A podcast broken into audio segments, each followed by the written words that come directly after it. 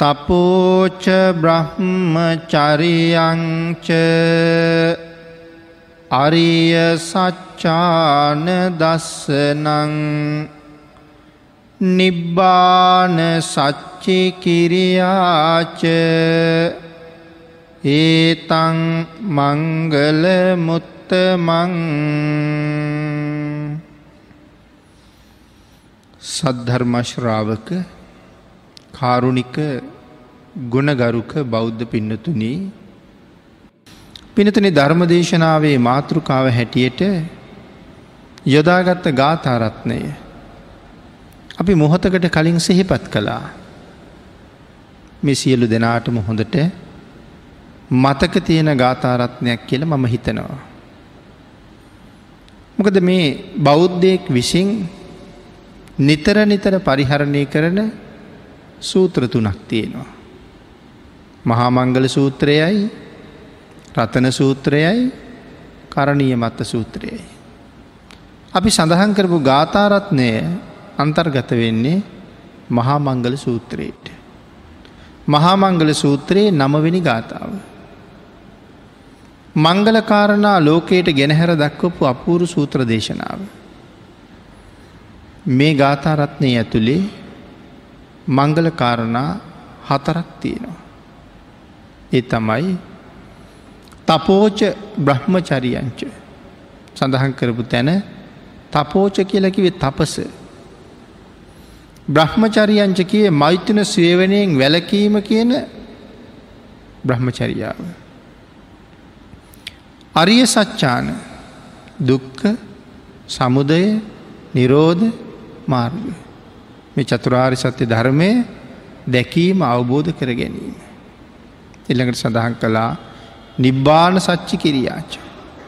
අරිහත් පල සංඛ්‍යාත නිර්වාණය ශාක්ෂාත් කර ගැනීම. ඒතම් මංගල මුත්තමං උතුම් වූ මංගල කාරණාවංය කියල දේශනා කළා. එතකොට කාරණා හතරක් තියෙනවා කියල සඳහන් කළා තපසයි බ්‍රහ්මචරියාවයි ආර්ය සත්‍ය ධර්මය අවබෝධ කර ගැනීමයි උතුම් වූ අරහත් පල සංඛ්‍යාත නිර්වාණය ශාක්ෂාත් කර ගැනීමයි කියන කාරණා හතර තමයි මේ ගාථාරත්නය තුළ මංගල කාරණා හැටියට පැහැදිලි කරන්නේ. පිනතින මේ එක එක කාරණාවක් සාකච්ඡා කරන්න ගියොත් අපිට තියෙන කෙටි කාල සීමාව තුළ අපිට එකක්වත් ටිකක් සම්පූර්ණ කරලා සාකච්ඡා කරන්න කාලවේලාව මදි වෙනවා. ආගේ නිසා මංගල කාරණා හතර සිහිපත් කරලා අපිමයින් දෙවනි කාරණාව ටිකක් සාකච්ඡා කරමු. දෙවනි කාරණාව තමයි බ්‍රහ්මචරියාව කියල සඳහන් කළේ. එතකොට මේ බ්‍රහ්මචරියාව කියන කාරණාව අපි බුදුරජාණන් වහන්සේ පැහැදිලි කරන තැන. භාගිතන් වහන්සේ සෙහිපත් කළේ බුදුරජාණන් වහන්සේලා විසින් වදාළ මෙ උතුම් වූ ධර්මයෙහි බ්‍රහ්මචරියාව කියන කාරණාවට මේ වචනයට අර්ථ ගොඩක් තියෙනවා. එයින් සමහර අර්ථයන් තුළ දානය මෛත්‍රිය කරුණාව මුදිතාව උපේක්ෂාව ආදී අර්ථ රාශියක් මේ බ්‍රහ්මචරියාව කියන කාරණාවෙන් හඟවනවා කියල සඳහන් කරනවා. නමුත් මේ මංගල ධර්ම විස්තරයේදී බ්‍රහ්මචරියාව කියල සාකච්ඡා කරලා තියන්නේ ඒ කරුණු පිළිබඳව නෙමෙයි එනම් මොනකාරණාවද එතනදි සාකච්ඡා කරන්න කියල පැහැදිලි කරනවා මේ මෛතුනයෙන් වැලකීම එහෙම නැත්තං මහනදම් පිරීම කියන අර්ථ දෙක මෙතන බ්‍රහ්මචරියාව කියලා හඳුන්වනවා. ඒ බ්‍රහ්මචරියාව ගැනයි මේ මංගල කාරණාව තුළ සාකච්ඡා කරලා තියෙන්නේ. එමනම් මේ මෛතුන සේවනය හෙවත් අබ්‍රහ්මචරියාව මේ ලෝකෙ බොහෝ දෙනා බොහොම සුවය හරි සැපය උතුම් පහසක් එහෙම කියල කල්පනා කරන දෙයක්. ඒ පංචකාමයට ඇබ්බැහි වෙච්ච පංචකාමයටම ලොල් වෙච්ච අයගේ සිතුවෙල්ලක් එතන තියෙන්නේ. ඒක ලෝකෙ තියෙන උතුම්ම සැපයන්ගෙන් එකක් කියන කල්පනාව. නමුත් භාග්‍යතුන් වහන්සේගේ ධර්මයෙන් කීකරුවෙච්ච ශ්‍රාවකයෝ බුද්ධාදී මහෝත්තමයණන් වහන්සේලා ඉතා හීන වූ ධර්මයක් හැටියට තමයි මේ මෛතුූන්න ධර්මය හඳුන්වලා තියෙන්නේ. නමුත් මේ කාරණාව පැහැදිලි කරනකොට. භාගිතුන් වහසේ නොයෙක් ආකාරයෙන් ඒ සඳහා කරුණුකාරණා දක්වලා තියෙනවා. එක හීන වූ ග්‍රාම්‍ය වූ ධර්මයක් ඇටිට සඳහන් කළා. ඒ නිසා භික්‍ෂූන් වහන්සේලාට මේ කාරණාව රිජුවම බුදුරජාණන් වහන්සේ තහනම්ම කළා. භික්‍ෂුවක් භික්‍ෂුත්වයෙන් පරදින විශේෂ කාරණා හතරක් භාගිතුන් වහස පැහැදිලි කරනවා. ඒ කරුණුවලට කියන්නේ සතර පාරාජිකා කියලා. පාරාජිකා වුනා කියල කියන්නේ ඒ ජීවිතෙන් පැරදුනා කියන අර්ථයයි. හැබැයි තවත් පැරදිච්ච කෙනෙකුට ආපහු වැරදි හදාගෙන දිනන්ඩ පුළුවන්. වැටිච්ච කෙනෙකුට ආපහු නැගිටින්ට පුළුවන්. හැබ මේ භික්‍ෂුත්තයෙන් වැටිච්ච කෙනෙකුට ආපහු එතෙන්ට එන්ඩ පුළුවන්කමක් එතෙන්ට එන්ඩ පුළුවන්කමක් නෑ. නැවත උපසම්පදාවකින් අධිසීල සංඛ්‍යාත තැනට අන්ඩ පුළුවන්කමක් නැතුව යනවා. නමුත් ශාසනයේ උතුම් නිර්වාණ ධාතුව හොයා ගණ්ඩ සිව්වනක් පිරිසටම පුළුවන් කියන භාගිතුන් වහසේ ඉඩදීල තියෙනවා. ඉති මේ කාරණාව මෙහෙම පැහැදිලි කරනකොට යම් කෙනෙක් මෙයින් වැලකිලා ඉන්නවනම්. සදහටම දිවි හිමියෙන්ම මේ කාරණාවෙන් වැලකෙනවනම්. ඒ අයට ලැබෙන ආනිසංස ගොඩක් පිළිබඳව ධර්මය සඳහන් කරලා තියෙනවා. මෛතුන සේවනයෙන් වැලකිච්චායට ලැබෙන ආනිසංස. ආං එතන සඳහන් කරනවා එහෙම අය වයස්ගත වෙනතුරුම තරුණයන් සේ පෙනී හිටිනවා කියලා. වයස බොහොම ගෙවිල යනවා. නමුත් තමන්ගේ තාරුණ්‍යය නතන් ශරීරයේ වැහැරෙන ස්වභාවය බොහොම බොහොම අඩුයි එක එක ආනිසංසයක් හැටියට සඳහන් කරනවා. දීර්ඝ කාලයක් ඒ අයගේ ආයුෂ පවතිනවා. ඒ විතරක් නෙමෙයි ඉතා නිරෝගී පුද්ගලයන් බවට පත්වෙනවා. තවත් කාරණාවක් සඳහන් කරනවා බොහෝ කාලයක් තමන්ගේ ශරීරය හොඳින් ශක්තිමත්ව පවතිනවා කියලා. ඊළඟට සඳහන් කරනවා ලෝකයාට බොහෝම ප්‍රිය පුද්ගලයෝ බවට පත්වෙනවා. ආනුභාව ඇත්තු පිනාගිය ඉන්ද්‍රියන් ඇත්තෝද මරණින් මතු ස්වර්ගලෝකයේ උපදින්නන්ද බවට පත්වෙනවා කියලා. ඒ මෛතුූනයෙන් වැලකීමේ ආනිසංස පැහැදිලි කරන තැනක දේශනා කරන කාරණාවක්. ඊළඟට භාගිතුන් වහස ඒ කාරණාව ආයත් විස්තර කරනවා තවත් කෙනෙකුට දිවි හිමියෙන්ම බ්‍රහ්මචාරී වෙන්න බැරිවෙයි. නමුත් කෝමාර බ්‍රහ්මචරියාවෙන් හැම කෙනෙක්ම සංවර විය යුතුයි. කෝමාර බ්‍රහ්මචරියාවෙහි හැම කෙනෙක්ම පිහිටිය යුතුයි කියල භාගිතුන් වහසේ ආය කාරණාවක් සඳහන් කරනවා. මොකක් දෙතකොට මෙතන මේ කෝමාර බ්‍රහ්මචරියාව කියල කියන්නේ බ්‍රහ්මචරියාව සහ කෝමාර බ්‍රහ්මචරියාව කියන කාරණාවල් එතකොට දෙක. හැම කෙනෙකුටම බ්‍රහ්මචරියාවෙන් යුක්ත පෙන්ඩ බැරිවෙයි. නමුත් සියලු දෙනාවම කෝමාර බ්‍රහ්මචරියාවෙන් යුක්ත විය යුතුයි කියලා සඳහන් කළා. එතන කෝමාර බ්‍රහ්මචරියාව කියල කියන්නේ විවාහ වෙන්ඩ කලින් ගත කරන ජීවිතය තුළ. සියලු දෙනාම බ්‍රහ්මචරිය සීලය ආරක්ෂා කරගත යුතුයි ස්ත්‍රී පුරුෂ දෙපක්ෂේම. විවාහයට පෙර. ඒ කාරණාව ඉතාම ශ්‍රේෂ්ඨ කාරණාවක් හැටියට භාගිතුන් වහස දේශනා කළා ඒක සියලු දෙනාටම අත්‍යවශ්‍ය කාරණාවක් හැටියටත් සඳහන් කරලා තියෙනවා. යමෙකුට කෝමාර බ්‍රහ්මචරියාවෙන් යුක්තවෙන්ඩ බැරි වුණානං. ඊට කලින් ජීවිතයේ අබ්‍රහ්මචාරී වුණානං. ඒ අයට ඒ නිසා ලැබෙන තවත් අකුසල මූලයන්. එමනතන් ලැබෙන අලාභයන් රාශියක් පිළිබඳව ආපහු ධර්මය සඳහන් කරනවා. ආංගිතන සඳහන් කරනවා බාලකාලයෙහිම විෂම පැවතුම් ඇත්තෑ වූ ස්ත්‍රී පුරුෂයන් අකාලයෙහි ජරාවට පත්වෙනවා. මදාවිෂයෙන් මිය යනවා. සිහිනුවන අඩු පුද්ගලයෝ බවට පත්වෙනවා. අන්ද පුද්ගලයන් බවට පත්වෙනවා. කොර වූ පුද්ගලයන් බවට පරංගී ලාදුරු ෂය රෝගය වගේ රෝගයන්ට ගොදුරුවෙන පුද්ගලයෝ බවට පත්වෙනවා.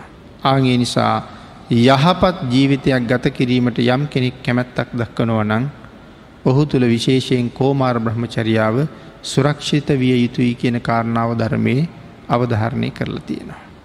මේ මේ කාරණා මේ විදියට සඳහන් කරලා ලෝකයට ඒ පිළිබඳව හොඳ පණිවිඩයක් දෙෙන්ට.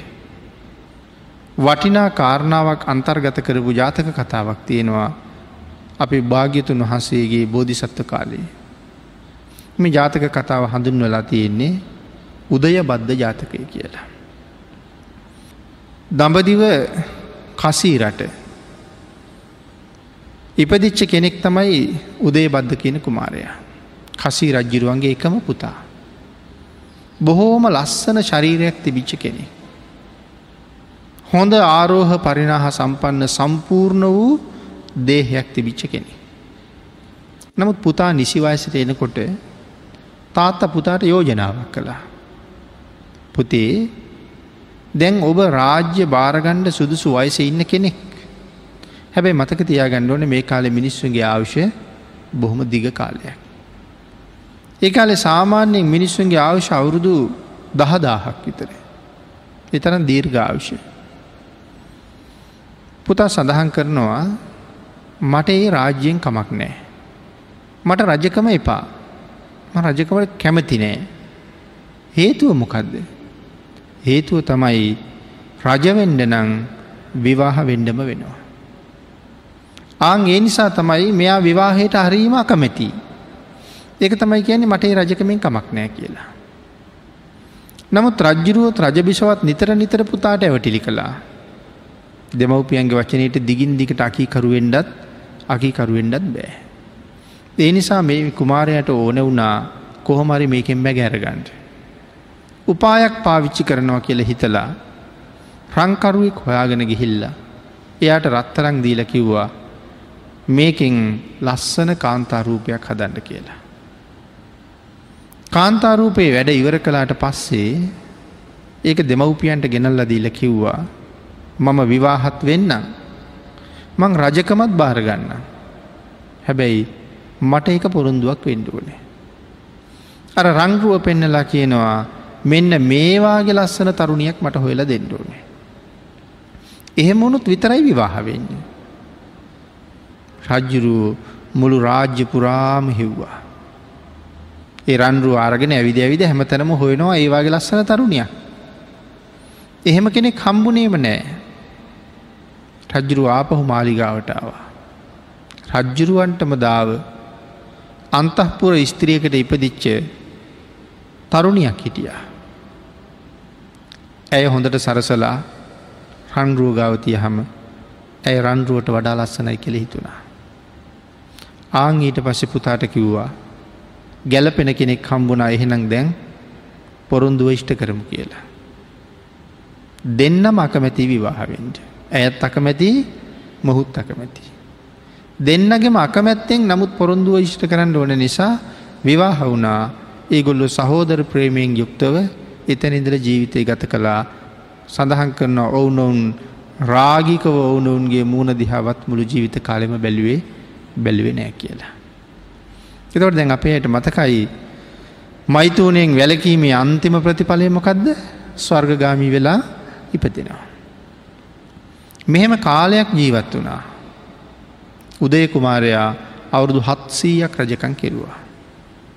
මේ දෙන්න අතර සාකච්ඡාවක් තිබුණා අපි දෙන්නගෙන් කෞද ඉස්සරල මැරෙන්නේ. මැරිච්ච කෙනා ඉපදිච්ච තැන අනික් කෙනාට කියන්නුවනේ. දෙකෙන් ඇර ස්වර්ගයෙහි උපදිනවා කියන කාරණාව එහෙමෝ පිහිටලයි පිහිටල ඉන්නේ. හැබැ ඉස්සල්ලම මැරෙන්නේ උදේ රජ්ජිරුවමයි. රජ්ජිරුව ගෙහිල්ල තෞතිසාාව උපදිනවා සක්‍ර දේවේන්ද්‍ර වෙලා. තෞතිසාාව අවශ්‍ය හුඟක් දිගයින්නේ. අපේ අවුරුදු සීයක් තෞතිසාාවට එක දවසයි. එතකොට රජ්ජරුවන්ට පොරොන්දුව මතක් වෙන්නේ දවස් හතක් ගියාට පස්සේ. ඒ ඇන්නේ දිවිය ලෝක දවස් හතක් ගිය හම තමයි පොරොන්දුව මතක් වෙන්නේ. එතකොට මනුස්ස ලෝකෙ කොච්චර කල්ගි හිල්ලද මනුස්ස ලෝක අවුරුදු හත් සීයක් ගෙවිලා. දැම් බද්‍රා කුමාරි තමයි රැජින මේ රාජ්‍ය පුදුම ආරක්ෂා සහිතයි. දියාගල් තියෙනවා මඩාගල් තියෙනවා විශාල ප්‍රාකාර තියෙනවා. යෝධ බටයෝ දස් ගානක් මුරකාවල් තියාගෙන ඉන්නවා. ඒ දොරකවුළු වැැහුවට පස්සේ සතයකුටවත් ඒ රාජ්‍යයට ඇතුල්වෙන්ඩ ඇතුල්වෙන්ඩ බෑ. එ තරම්ම ආරක්ෂාවක් තියෙනවා. ඒ ආරක්ෂාවෙන් යුක්ත රාජ්‍යයේ අන්තහපුරේ ඊටත් වඩා ආරක්ෂාකාරී. මකත් අන්තහපුරේ කියල කියන්නේ. මේ අන්තහපුරේ කියන වචනය ගැන හුඟක් දෙනෙකුට තියෙන්නේ වැරදි අවබෝධයක්. අන්තහපුරේ කියල කියන්නේ ඇතුල් නුවර කියන එක. ඒකට යන්තහපුරේ කියන්නේ. බොහෝ දෙනා සඳහන් කරන්නේ රජ්ජුරුවන්ගේ රජරුවන්ට භාරියාව ගොඩක් ඉන්නවා. ඒ භාර්යාවන් ඉන්න ප්‍රදේශයේ තමයි අන්තහපුරේ කියලා එක නෙමේ එහෙම අර්ථයක් නෑ. එනම් අන්තහපුරේ කියලකෙන ඇතුල් නුවර. එහි තමයි ප්‍රභූවරු ඉන්නේ. රජ්ජුරුව ඉන්නේෙහි අගබිසව ඉන්නේෙහි ඇමතිවරු ඉන්නේෙහි ප්‍රධාන නිලධාරින් ඉන්නේෙහි සේනාපතිවරු ඉන්නේෙහි මහ සිටුවරු ඉන්නවනම් සමහර සිටුවරු හිටියේ ඇතුල් නුවර රජ්ජුරුවන්ගේ ඥාතිීන් ඉන්නේෙහි මේ විශේෂිත වූ පිරිසක් ජීවත්වෙන ප්‍රදේශයටයි අන්තහපුරය කියල කියන්නේ. එතකට ආං ඒ ප්‍රදේශය අධ්‍යාරක්ෂිත කලාපයක් වගේ බොහොම සුරක්ෂිතයි. දැන් දවස් හතකට පස්සෙන උදේ රජ්ජුරුවන්ට මතක් වුණේ තමන්ගේ පොරොන්දුව ඉෂ්ට කරන්න. දේනිසා රජ්ජුරුවූ එක දවස පොරොන්දුව ඉෂ්ට කරලා යන්ට. හිතාගෙන බද්‍රා කුමාරි මුණ ගැහෙන්ඩේනවා. එන්නේ හැන්දෑවෙරෑ වෙලා. කෙලින්ම රැජිනගේ කාමරයටමයි එන්නේ. තට්ටු හතක් තියෙන මාලිගාවේ උඩම තට්ටුවේ තමයි ඇගේ සිරියහන තිබුණේ. එතෙන්ට ඇවිල්ලා ඇයට කතා කළා. ඒ වෙනකොට ඇය නිදී තාම ලින්ද ගිහිල්ල නෑ නොත් මේ දෙවියෙක්නේ බැලුව ඇය මොනවද කල්පනා කරන්න. ඇය මොනවද කරන්න. බද්‍රාකුමාර යහන් ගත වෙලා ඉන්නවා. ඇය තමන් අද දවසේ කටයුතු කරනකොට තමන්ගේ සීලයට කොතන හරි හානියක් වුණාද කියන කාරණාව මෙනෙහි කර කරා යහනි සැතපිලා ඉන්නවා. සිල් ආවර්ජනය කරනවා. ඒ වෙලාවේ පෙනී හිටල කතා කිරුවා. කතා කර මහනවා මේ තරං ආරක්ෂාවක් තියෙන මේ සුරන්ධන පුරෝරයට ඇතුල් වෙලා. බයක් හැකක් නැතුව මේ දහස් ගණන් යෝධ බටයන්ගෙන් රැකිලා ආරක්ෂා වෙලා මගේ සිරියහනටම එන්ඩ තරං ශක්තියක් තිබිච් ඔබ කවුද කියලා. පසි කියනවා ඒක මට තරම් ප්‍රශ්නයක් නෙමෙයි. මම එක්තර දෙවී ඒහින්ද මෙතෙන්ට එනවා කියනෙක් මට බාධාවක් නෑ. කරුණුකාරණ සඳහන් කරලා කියනවා. ඔබ බොහෝම ලස්සනයි. ඒ රූපය වර්ණනා කරන්න පුළුවන් තරංග උපරිමයෙන් වර්ණනා කළා. වර්ණා කරලා කියනවා ඒ රූපය දවසින් දවස නිකම් විය කෙනවා. ඔබ තාම බොහෝම තරුණයි. ඒ නිසා අද මට ඔබත් එක්ක සැතපෙන්ඩ ඊට දෙෙන්ට. මං හැබැයි ඒකට තෑගි දෙනවා. මොනවද ගෙනල්ල තිබ්බ තෑගි රත්තරං කාසිපුරුවපු රම්බඳුන. ඒකට තෑග්ග තමයි රංකාසිපුරුවපු රම්බඳුන. දේවිය කියනවා මගේ ජීවිතයේ පලවෙනිත් අන්තිමයත් මගේ රජ්ජුරුව විතරයි. වෙන කිසි කෙනෙක් ගැන එදා හිතුවෙත් නෑ අද හිතන්නෙත් නෑ. දෙවිය ඊට වඩා කතා කරන්න ගියත් නෑ අතුරු දහඟුණා. හැබැයි පහුවදත් එෙනවා. පහුවද එන්නේ රිදී භාජනයක රංකාසිදාගෙන. එදත් අර යෝජනාවම කරනවා. එදා බද්‍රාකුමාරි කල්පනා කලා මෙත් එක තවත් වචන කතා කරන්න ගියොත් මෙයා ආය ආයනවා. එහෙම හිතනවත් එකම දෙවිය ආපහු අතුරු දහමුණා. තුන්වෙනි දවසෙත් ආවා. එදා ආවේ යකඩ භාජනයක රංකාසිදාගෙන. තැන් අප එයට තේරුණද වෙනස. පළවෙනි දවසේ රම්භාජනය කරංකාසි දෙවනි දවසේ රිදී භාජනය කරංකාසි. තුන්වෙනි දවසේ යකඩ භාජනය කරංකාසි. හැබැ තුන්වෙනි දවසේ බද්රට හිනා ගියා. හිනාගේ හම දෙවී ආහනු ඇයි හිනා වෙන්න කියලා. ඉටසිකවා උඹ දෙවියෙක් කියලා මට කිව්ව පළවෙනි දවසි.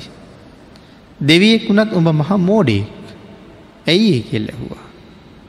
මනුස්ස ලෝක ස්ත්‍රියක් සතුටු කරන්න ඔහොම බෑ කාටවත්. ඔබේ බලාපොරොත්තුව පළවෙනි දවසේ ඉෂ්ට වුණේ නැත්තං දෙවනි දවසේ ඔබ ආයාචනා කරන විදිහත් ඔබ අරගෙන එන තෑග්ගත් පළවෙනි දවසි තෑග්ගට වඩා ලුඟක් වටින එකක් වෙන්ඩුවනේ. දෙවනි දවසෙත් අකමැති වුණානං තුන්ගෙන දවස ගේන තෑ ගරටත් වඩා වටින එකක් වෙන්ඩෝන ඇගේ හිත දිනාගන්ට. එක තමයි මනුස්සලෝක හැටි. නමුත් ඔබ පළවෙනි දවස තෑක හුඟාක් වටිනවා. දෙවැනි දවස තෑගේ වටිනාකම ටිකක් අඩුයි. මොද රිදී භාජනයක්නේ. තුන්වෙනි දවසට එනකොට කාසි ඔක්කොම රංකාසි තමයි නමුත් භාජනය තමයි වෙනස් වෙලා තියෙන්නේ භාජනීයකඩ. ආගේ හිදකෝම බහරි මෝඩයිස්. ආගේ වෙලාවේ දෙවිය කතා කරලා කියනවා මට හිතෙන්නෑ මං මෝඩයි කියලා. මනුස්සලෝක මිනිස්සුන්ගේ ආවුෂ පිරිහෙන්නේ කොයි වගේද හරියට පෙරහංකඩයකට වතුරවක් කරහම ඒ පෙරහංකඩේ වතුර බින්දුවක්වත් රැඳෙන් නැතුව ඔක්කොම පහලට බැහල යනවා වගේ මනුස්සලෝක මිනිස්සුන්ගේ ආවිෂයත් බොහොම වේගෙන් පිරිහෙනවා. අද හිටපු කෙනා නෙමෙයි හෙට ඉන්නේ. හෙට ඉන්න කෙනා නෙමේ යනිත් දයින්නේ. හැම ඉන්ද්‍රියකින්ම හැම පැත්තේ මේ මනුසය පිරිහිලා.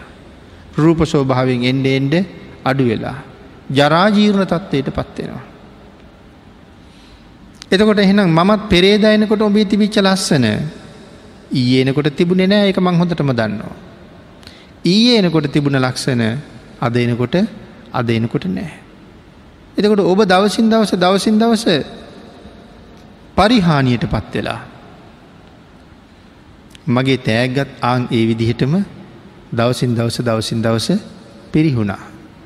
ඔබ පිරිහෙනකොට මංමකරද මගේ තෑග දියුණු කරන්නේ.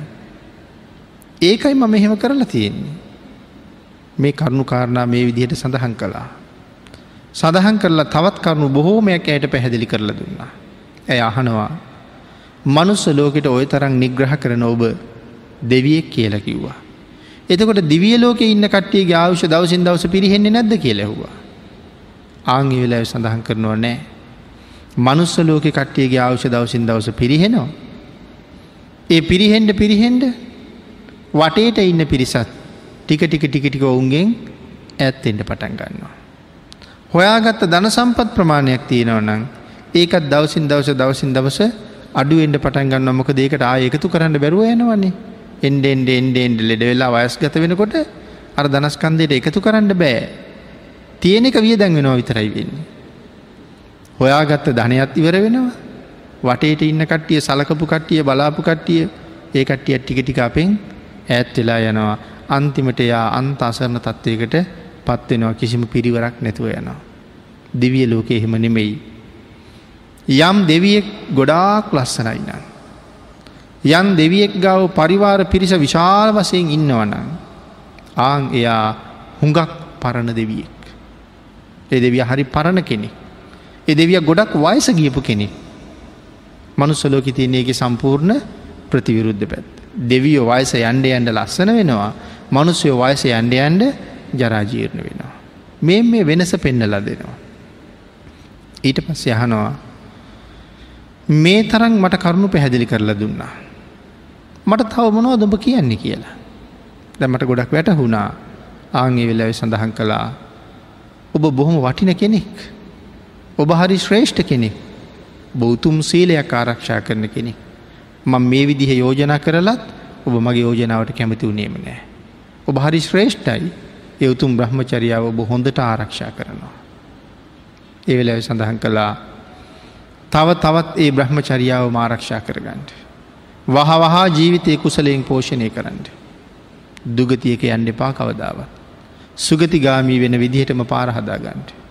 මම ඔබ හොයාගෙනාවේ ඔබත් එක්ක කාමාස්වාදයෙන් සැනසෙන්ඩ නෙමෙයි මං ඔබ හොයාගෙනාවේ ඔබට මේ අවවාදය කරලයන්ට. ඉට පස්සේ අහනවා මට අම්ම කෙනෙක්වාගේ. මට තාත්ත කෙනෙක්වාගේ මේවාගේ අවවාද කරන ඔබ හැබෑවටම කවුද කියලා. ආංගේ වෙලෑ සඳහන් කළා බද්‍රා මම වෙන කවුරුවත් නෙමෙයි. මං ඔබේ ස්වාමි පුරුෂයමයි. මං එදා උදේ රජ්ජුරුවමයි. මතක දෙදා පොරොන්දුවක් වුණා. දෙන්නගෙන් කවුද ඉස්සරල මැරෙන්නේ මැරුණ කෙනා ඉපදිච්ච තැන අනික් කෙනාට ඇවිල්ල කියනවා. ආංගේ පොරුන්දුව ඉෂ්ට කරලා යන්ඩ යාවේ මගේ පොරුන්දුව දැන් සම්පූර්ණයි එහෙනම් මම යනවා කියලා පිටත්තෙන්ට ලෑස්තියෙනවා. ඒ වෙලයි කතා කරලා කියන අනී ස්වාමීණී. එදා වෙච්ච පොරොන්දුව හරියටම විෂ්ට කරන්න ඔබ වග බලාගත්තා. ඔබ ඉන්න කොහෙද. මම ඉන්න තවතිසාාව රජ වෙලා ස්වාමීණී මගේ ඒකම පැතුමත් ඔබමයි. මටත් ඔබළඟට එන්ඩ පාර කියල යන්ඩ කියලා. ආංගේ වෙලෑ සඳහන් කලා බද්‍රා බොහෝම ශ්‍රේෂ්ඨයි. බද්‍ර ඔබ දස කුසල ධර්මයෙන් හැම වෙලා ආරක්ෂා කරගන්න ඕනෑ. දසාකුසලයන්ගෙන් හැම වෙලා වෙම්බෙන්ඩ ඕනෑ. දස කුසල් මාරක්ෂා කරන්නට. එතකොට මොනවද මේ දසකුසල් කියල කිව්වේ මේ එතකොට බද්‍රට විතරක් හම්බෙන අවවාදයක්ද මේ අපි ඔක්කොටම හම්බවෙන අවවාදයක්. මොනවදී දසකුසල් කයෙන් කරන වැරදි තුනක් තියෙනවා ප්‍රාණගහතය අදත්තාදානය කාම විත්‍යාචාරය කියලා ඒකෙන් වෙන්වෙන්ට. හිතින් කරන වැරදි තුනක් තියෙනවා අවිද්‍යා ව්‍යාපාද මිත්‍යා දෘෂ්ටි කියලා. එව්වගෙන් අයින් වෙන්ඩ. වචනයෙන් කරන වැරදි හතරක් තියෙනවා බොරු කියනවා කේලං කියනවා පරුසවචන කියනවා හිස් වචන කියනවා ඒ හතරිනුත් අයින්ෙන්ට. එතකොට කාරණා දහයක් එතන කිව්වා. මෙවට කියනවා දසකුසල් කියලා. යමෙක් මෙව්වගේ යෙදෙනවනම් ඒ පුද්ගලයා රැස් කරන්නේ දසාකුසල්.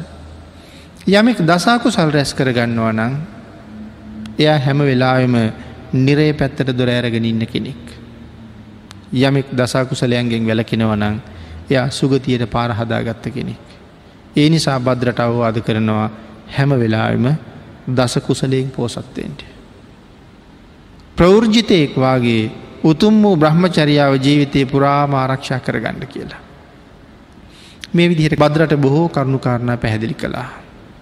බද්‍ර බොහෝම සතුටට පත් වනා බද්‍රට සඳහන් කරනවා බද්‍ර මනුස්සයන්ගේ කය දෙතිස් කුණප කොට්ටාශයකින් යුක්තයි. ඕක හැම පැත්තෙම කොයි පැත්තෙන් බැලුවත් පිළිකුල් සහගතයි. පිරිසිදු බවක් වටින දෙයක් ඔය මනුස්ස ජීවිතය තුළ ඇත්තම නෑ. ඒ කය ජීවත් එන තුරු පවත්වන්න අපි මොන මොනෝ හරි කරන්න ඕනෑ. හැබැයි ඔය කය පව්වාකරයක්. මිනිස්සුන්ගේ ආත්මය කියල කියන්නේ අකුසලයෙන්ම ජීවිතය පුරෝණ ආත්මයක්. ප්‍රඥ්ඥාවන්තයෝ ඒ අකුසලයෙන් පිරෙන ආත්මය අකුසල්වලින් ආරක්ෂා කරලා කුසල් පුරෝණ පැත්තට හරවනවා. ආංගේ නිසා බද්‍රා ප්‍රඥාවන්තවෙන්ට. මිනිස්සුන්ගේ ආත්මය නිරේ පැත්තට දොරාරිනවා හැම වෙලාෑම. මිනිසුන්ගේ ආත්මය ඒ මිනිසාටම හතුරු වෙනවා. මේ ලෝකෙ කොයි තරං හතුරෝ මිනිස්සුන්ට ඉන්න පුළුහන්ද.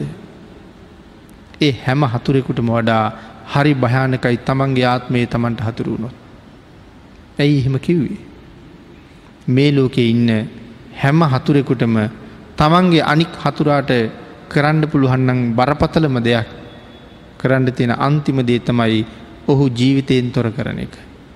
මරලදානක ඊට වඩා යමක් කරන්න බෑකිසි මහතුරිකුට. ඒ වුණට මගේ මේ ශරීරයම මගේ මේ කයම මගේ මේ ආත්මය මට හතුරුවනොත් මං එතනින් නවත්තනවද මගේ ආත්මය මට හතුරු වෙච්චහම මම නිරේට මරං යනවා අර හතුරන්ට පුළුවන්ද අපි නිරේට තල්ලු කරන්න ඒක කවදාවත් කරන්න බෑ. ඒ හතුරන්ට අපි තිරිසන් ලෝකෙටවත් ප්‍රේතලෝකෙටවත් තල්ලු කරන්න බෑ. නමුත් පව්කරගත්ත මම නිරේ දොර ඇරගන්නවා. පෙරේත ලෝක තිරිසන් ලෝක දොර ඇරගන්නේ මං විසින්මයි. ආංගේ හින්දා මේ ආත්මය පවට හැරුණුත් හරිම භයානකයි. ආංගේ නිසා තමන්ගේ ආත්මය හැම වෙලාම සුරක්ෂිත කරන්නට. අත්තානංගේ පියන් ජඥා රක්කෙයියා නං සුරක්කිතා.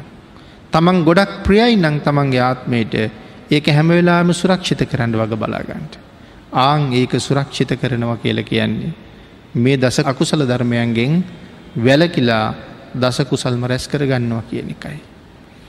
මේ කයේ තියෙන නිස්සාරභාවය දෙතිස් කුණප ගොට්ටාසයන්ගින් පිරිච්ච මෙහි ගතයුත්තක් ඇත්තම නෑ කියල පැහැදිලි කරලා දෙනවා. මේ ශරීරයේ හැම පැත්තෙම අපිරිසිදු දේවල් වලින්ම පිරිල තියෙනවා. විදර්ශනාත්මකව කල්පනා කරලා බැලුවොත් මේ කයිහි මං කැමැත්ත දක්වන කිසිම දෙයක් කිසිම දෙයක් නැති බවම පැහැදිලි කරනවා. අපි අපේ කෙස් වලටත් පුදුම කැමැත්තක් තියෙන්නේ. ඒ වුණට වතුර කෝප්ප එක හරි ආහාර පිඟානි හරි කෙස් ගහක් තියෙනවා දැක්කොත් ඒ කෙස් මයි අපිට ඇතිවෙන්න පුදුම පිළිකුලක්. අපි අපේ නියපොතුවලට තියෙන්නේ හරි කැමැත්තක්.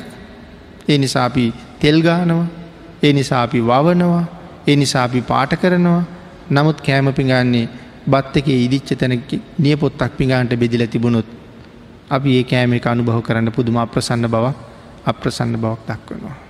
නමුත් මංගේ කෑම අනකොට කෑම කඩනකොට පාවිච්චි කළෙත් මේ නිය පොත්තම තමයි නමුත් තවත් විදිහකට දැක්කම එක පිළිබඳව ඇති වුණේ මට හරි අප්‍රසන්න බවක්. කෑම කකා ඉන්නකොට දතක් ගැලවිල්ලා පිඟානට වැටුණොත් මට ඒ පිළිබඳවත් ඇතිවන්න ආපහු ආපහු අප්‍රසන්න බවක්. බොහොම ලස්සනයි පාටයි ප්‍රියමනාපයි කියල කියපු මේ හමෙන් කෑල්ලක් කවරු හරි ගලෝලා අපිට දුන්නොත් අපි ඒකට කවදාවත් ප්‍රිය කරන්නේ ප්‍රිය කරන්නේ නෑ. එනම් බාහිර වස්තුූන්ටත් එහෙමයි. අභ්‍යන්තර වස්තුූන්ටත් එහෙමයි. මේක ඇතුළෙත් සම්පූර්ණ අපද්‍රව්‍ය වලින්ම පිරිලා. ඒ නිසා බුදුරජාණන් වහස සඳහන් කළා කුණපයක්ම බවට පත්තිච්ච මේ කය අභ්‍යන්තරේ තියෙන අපද්‍රව්‍ය එලියට දාන්ඩ දොරටු නමයක් හැමවෙලාම විවෘත කරලා තියලතිනවා කියලා. ඉව කවදාවත් වහන්ඩ පුළුහන්ද ඒ දොරටු එකක්වත් කවදාවත් වහන්ඩ වහන්ඩ බෑ. හැම වෙලාය මෑරල තියෙන්නේ හැම වෙලා මෙව්වගෙන් එලියට ඇන්ඩ මොන මොනවා හරි ලෑස්ති වෙන නිසා. හැබැයි ඒකකටවත් අපි ප්‍රියමනාප නෑ. කවුරුවත් දකිනවට කැමති කැමති නෑ ඒ තරම් අප්‍රසන්නයි. එතකොට එවන් කයක් අරගනයි අපි මේ ප්‍රසන්නයි කියන හැඟීමෙන් සුන්දරයි කියන හැඟීමෙන් මේවාගේ අකුසල ධර්මයන්ට යොමු වෙන්නේ. අංගේ නිසා මේ කය පිළිබඳව හොඳ අවබෝධයක් ඇතිකරගෙන ජීවත්තෙන්ට කියලා සඳහන් කරනවා දෙතිස් කුණපයෙන් පිරුණ මේ කය සොහනකට ගෙන ගොස් දැමූ කළ කපුටු හිවල් කබර ආදී සතුන්ට ආහාරයක්ම වෙනවා. පොලෝට යට කරලා දපු දවසට පනුවාදී සත්වයන්ට ආහාරයක් බවට පත්වෙලා යනවා. ආගේ නිසා මේ කාරණා දැන නොපමාව කුසල ධර්මයන් හි යෙදෙන්ට කියලා බද්රට මෙදි විරාජයාගෙන් අවවාද ලැබෙනවා. ඊළඟට බද්‍ර සඳහන් කරනවා සාදු භාසතයන් යක් හෝ අප්පං මච්චාන ජීවිතන්. කසිරංච පරිත්තංච තංච දුක්කේන සංයුතන්. සාහං ඒකා පබ්බජිස්සාමී හිත්වාකාසින් සුරුන්දන. මේ කරුණු ටික අවවාද ටික ඇහුවට පස්සේ. බද්‍ර සඳහන් කරනවා දිව්‍යරාජයන්නනී ඔබ කිවේ ඉතාමත්ම යහපත් දෙයක්මයි. මනුස්ස ජීවිතය ස්වල්ප කාලයක්ම පවතින එක. මිනිසුන්ගේ අවශ්‍යයේ දීර්ඝ කාලයක් පවතින එකක් නෙමයි ඒක ඉතාම ස්වල්ප කාලයක් පවතින එකක්. ඒ සැපයෙන් යුක්ත නම් ඒ සුළු කාලයක් පවතිනවට පැවතුනාට කමක් නෑ. මිනිස්සුන්ගේ අවශ්‍ය තියන්නේ බොහොම කෙටිකාලයයි. ඒක කෙටිකාලයක් තිබුණත් කමක් නෑ ඒ ජීවිතය සැපයෙන් පිරිච්ච එකක්න. පවතින්නෙත් කෙටිකාලයක් නමුත් ඒක පිරල තියෙන්නේ දුකෙන්මයි. සැපින් පිරිච්ච බවක් ඇත්තේ නෑ. ඊළඟට සඳහන් කරනවා බොහෝ කාලයක් පැවැත්තේ නං මද දුකක් වුවද කමක් නෑ. මිනිස්සුන්ගේ ආවුෂ හුඟාක් දිගයි නං. ඒ ආවුෂ ඒ කාලය තුළ පොඩි පොඩි දුක් ආවත් කමක් නෑ. ආවිෂ හුඟක් දිගයි නං පොඩි පොඩි දුක්කාවත් කමක් නෑ. ආවුෂ කෙටිවුණාට කමක් නෑ සැපීම පිරෙනවන. නමුත් ඒ දෙකම නෑ මනුස්්‍ය ජීවිතයේ සැපයෙන්ද තොරයි දුකෙන්ම යුක්තයි ආවිෂයත් බොහොම බොහොම කෙටි. ආවිෂයත් කෙටි සැපෙන් තොරයි දුකෙන්ම යුක්තයි. ආගේ නිසා සඳහන් කරනවා එසේ වූ එය පවත්තින්නේද සුළු කාලයයි එබැවින් මෙම සුරන්දන නම් වූ රාජධානයෙන් රාජධානියත් කසී රටත් අතහැරල දාලා මං පැවිදි වෙනවා කියලා පොරුන්දුවක් දෙන අරදිව්‍ය රාජයට. දැඟතකොට බද්‍ර මේ සඳහන් කරන්නේ මිනිස්සුන්ගේ ආවිෂයත් බොහොම කෙටි ඒ කෙටි ජීවිතය තුළ දුකත් බොහොම වැඩි. ආවිෂය කෙටි වුණාට කමක් නෑ ඒ කෙටි කාලය තුළ හරි හුඟක් සැපතියෙනවන. ආවිෂ හුඟක් දිගනං තැන්තැන්ගොල පොඩිපොඩි දුක් හම්බුනාට කමක් නෑ නමුත් මනුස්ස ජීවිතය ස්වභාවය තමයි ආවිෂයත් කෙටි දුකත් බොහොම ඉහලයි කියන එක. ආංගේ නිසා මේ සුරන්දන පුරෝරයත් කසී රටත් අත හැරල දාලා මම යන්ඩ යනවා. හැබැයි දැම් මේ කල්පනා කරන්නේ මිනිස්සුන්ගේ ආවිශ කොච්චරක් තියෙන කාලෙද බද්‍ර මෙහෙම කියන්නේ දහදාහක් තියෙන කාලේ. එතකොට අදාපි මොනො කියන්න වෙයිද. එදා ආවිෂ දහදාහ අද සාමාන්‍යයෙන් හැත්ත පහක් අසුවක් වගේ කාලේ. අපිට කොහොම හිතන්ඩ වෙයිද කියන කාරණාවත් අපිට හිතාගණ්ඩ බෑ. ආගේ නිසා මේ මේ කරුණු අවබෝධ කරලා. අපි හැමෝගටම කියා පුතුම් පණි විඩයක් මෙතන තියෙන්නේ. ඔය ජීවිතය ඊට වඩා කොයි තරන්නම් කෙටීද. එහෙනම් අපි තව මේ විදිහට කුසල් කරන්න ප්‍රමාද වෙමින් බලාගෙන ඉන්න එක කොයි තරන් අනාරක්ෂිතද. ඒක මොන තරන් අනතුරකද අපි ජීවිතය තියෙන කොතනද. එක කොයිවාගේ අනතුරකට මූුණ පාලාද හැම වෙලාමිද තියෙන්නේ කියන කාරණාව සහිපත් කරගෙන කල්පනා කරගෙන අවබෝධ කරගෙන මේ ලැබිච්ච ශ්‍රේෂ්ඨ ජීවිතය තුනුරුවන්ගේ ආශිරුවාදයෙන් ධර්මයෙන්ම පෝෂණය කරලා. කුසලයෙන්ම පෝෂණය කරලා. හැම කෙනෙක්ම මේ ලෝකෙ කෙටි අවශයකින් මැරල යන අය ආන්ගේ මැරණ දවසට සතුටු වෙවී මැරෙන්ඩ පුළුවන් ජීවිතයක් පෝෂණය කරන්න ඕනෑ. දිව්‍යරාජයාගේ අවවාද ලබාගත්ත බද්‍රාදේවී රාජ්‍ය ඇමතිවරුන්ට බාරදීලා බොහොම විවේකී උයනකට ගිහිල්ල රිෂි ප්‍රෞද්ජාවෙන් පැවිදි වෙලා දීර්ඝ කාලයක් ආවිෂ ගෙවෙනකං හොඳට කුසල දහම් සමාදන් වෙලා මරණින් පස්ස ගිහිල්ලා සක්දීදු ගවම ඉපදෙනවා. එදා බද්‍රට ඇවිල් අවවාද අනුශාසනා කරපු එදිවිරාජයා අපි බෝසතාණන් වහන්සේමයි එදා බද්‍ර හැටියට කටයුතු කරන්නට යෙදනේ යසෝදරදේවින් වහන්සේමයි. දෙමනගේ ශ්‍රේෂ්ඨ චරිත දෙක අපේ ජීවිතවලට සමීපවම කතා කරලා අපූරු අවවාදයක් අපිට දීලතියන්නේ. ආං එයින් ජීවිතය පෝෂණය කරගෙන මෙලව සුවපත් කරගෙන පරලෝ සුගතිගාමි කරගණ්ඩ ඔබ සියලු දෙනාටම තුනුරුවන්ගේ ආශිරුවාදෙන් ශක්තිය දහිරිය භාග්‍ය වාසනාව උදාවේවා කියලා ආශිර්වාද කරනවා.